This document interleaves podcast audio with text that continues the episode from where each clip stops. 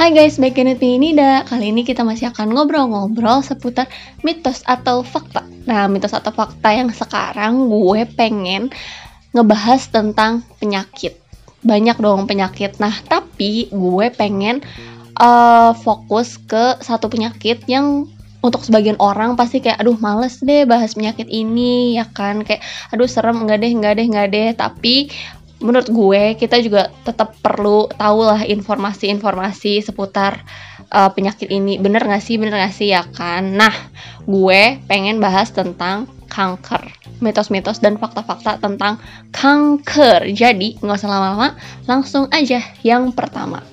Mewarnai rambut dapat menyebabkan kanker. Bener nggak? Sebenarnya pernyataan ini tuh nggak sepenuhnya salah dan nggak sepenuhnya benar. Kenapa? Karena pernyataan ini tuh muncul beberapa puluh tahun sebelum-sebelumnya. Karena adanya penelitian yang dilakukan pada saat itu. Jadi uh, informasi ini tuh uh, muncul karena pada saat dilakukan penelitian itu ditemukan bahwa di apa namanya uh, cat rambut terdapat bahan kimia yang dapat memicu kanker. Nah, cuma sejak tahun 1970-an itu setelah diteliti lagi tuh ternyata di uh, cat warna rambut itu tuh udah nggak ada lagi bahan kimia yang uh, apa namanya dapat meningkatkan resiko kanker karena ternyata sudah dihilangkan. Jadi tidak perlu khawatir karena itu mungkin uh, pernyataan di zaman dulu gitu kan. Cuma sekarang karena kan sudah teknologi berkembang dan sudah diperbaharui lagi, jadinya udah nggak ada. Jadi sudah aman. Yang kedua, semua kanker dapat ditangani dengan cara yang sama. Apakah itu betul? Hmm. Sebenarnya mungkin kita harus tahu dulu kali ya kanker itu tuh apa sih. Jadi kanker itu tuh nama yang diberikan kepada sekelompok penyakit yang sifatnya itu uh, sifat umumnya itu membelah sel yang nggak kekontrol dan dia tuh menyebar ke jaringan-jaringan yang ada di sekitarnya. Nah, kanker itu tuh jenisnya itu udah banyak banget, ada lebih dari 100. Nah, karena jenisnya yang banyak, itu tuh treatmentnya itu untuk masing-masing kanker pasti beda karena kanker itu kan banyak macamnya ada kanker uh, apa tuh kanker usus bener gak sih? Ada kanker payudara ada kanker macam-macam lah pokoknya kanker. Jadi tiap-tiap kanker pasti treatmentnya beda. Jadi nggak bisa disamain misalnya antara kanker yang A dan kanker yang B itu treatmentnya sama. Nggak bisa karena beda gitu loh. Karena uh, kombinasi penanganannya itu beda-beda pasti dan tiap pasien pasien pun pasti beda-beda gitu.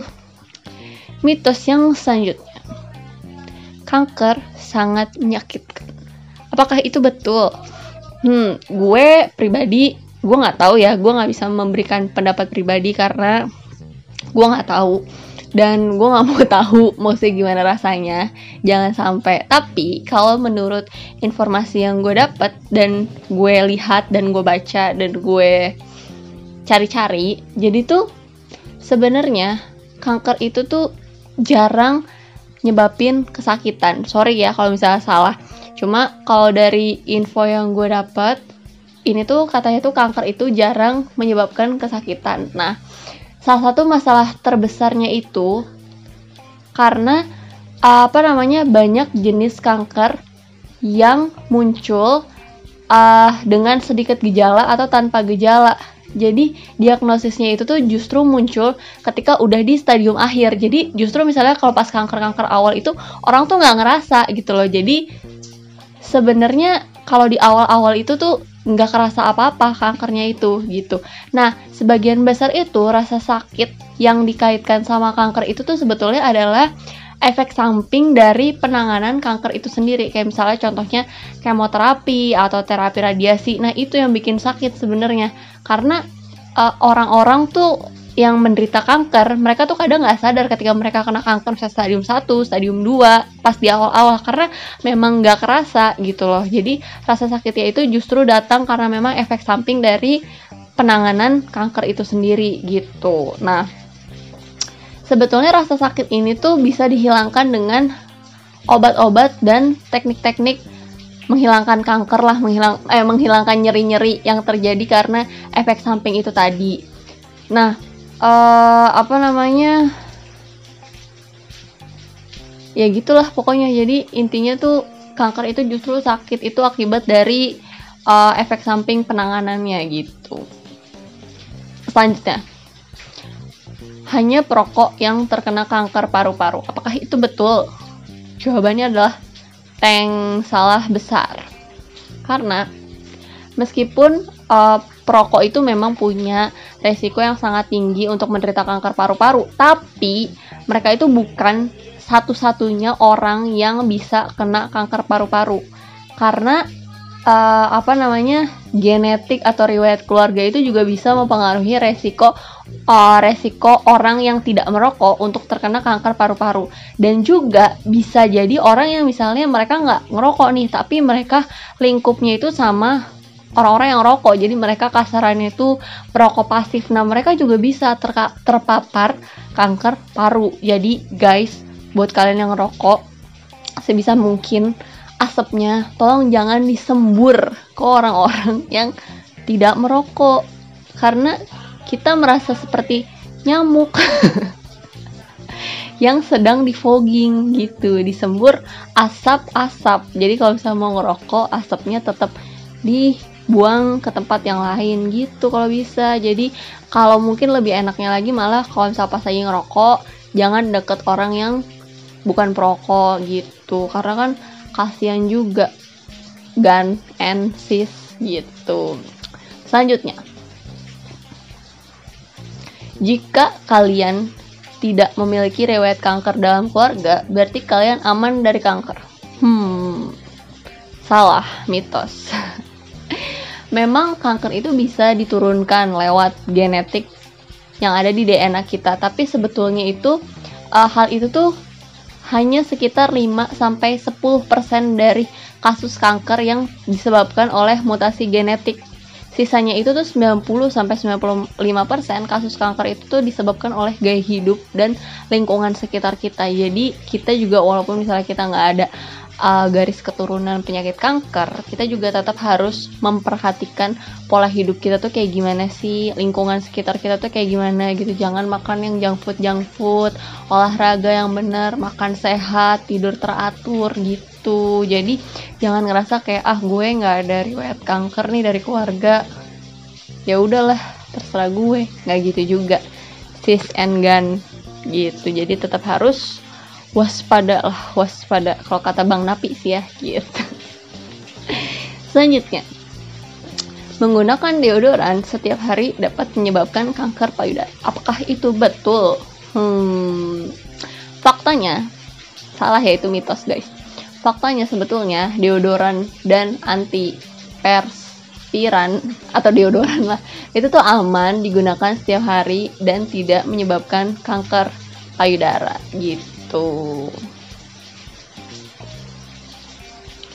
Banyak masyarakat yang menganggap aluminium sama paraben yang ada di dalam deodoran itu uh, dapat menyerap ke dalam kulit dan menyebabkan kanker payudara. Padahal menurut studi, nih studi nih yang bilang nih orang-orang yang udah neliti nih, menurut studi yang dipublikasikan di Journal of the National Cancer Institute nih, Cancer Institute lagi nih yang neliti nih, penggunaan deodoran atau uh, antiperspiran itu tuh belum terbukti, tidak terbukti meningkatkan resiko kanker payudara gitu, gan ensis. Selanjutnya, makan sayur dapat menurunkan resiko kanker payudara. Apakah itu betul? Teng teng, tentu saja itu betul fakta. Karena mengkonsumsi makanan ini fakta ya, bukan mitos ya. Karena mengkonsumsi makanan yang kaya serat itu tuh bisa menurunkan resiko terjadinya berbagai jenis kanker. Nggak cuma payu, kanker payudara doang tapi banyak kanker itu tuh bisa diturunkan resikonya oleh sayur-sayuran. Gitu deh. Contohnya mungkin kita bisa coba buat mulai mengkonsumsi brokoli atau yang banyak serat-seratnya lah. Kalau buah-buahan tuh kayak ada pir atau uh, pisang kayak gitu deh. Selanjutnya apakah memakai bra terus-menerus bisa menyebabkan kanker payudara? Nah ini nih buat perempuan-perempuan pasti uh, banyak yang berpikir seperti itu gitu. Padahal sebetulnya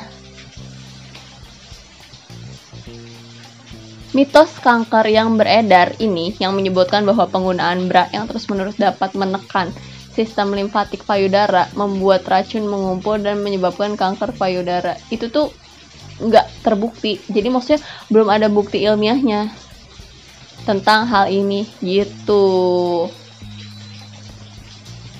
Lalu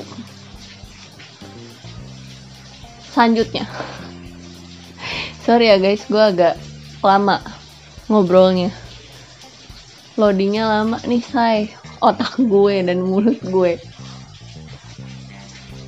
perokok pasif dapat mengalami peningkatan resiko kanker paru-paru. Betul itu yang udah gue bahas sebelumnya. Jadi gak cuma orang yang ngerokok doang tapi orang yang gak ngerokok pun bisa kena kanker paru. Jadi kalian please yang ngerokok perhatiin orang sekitarnya gitu. Deh. Selanjutnya, apakah produk herbal tertentu dapat menyembuhkan kanker? Hmm, pernyataan di atas itu, pernyataan di atas maksud gue, pernyataan yang gue kasih tahu barusan itu sebetulnya mitos. Kenapa?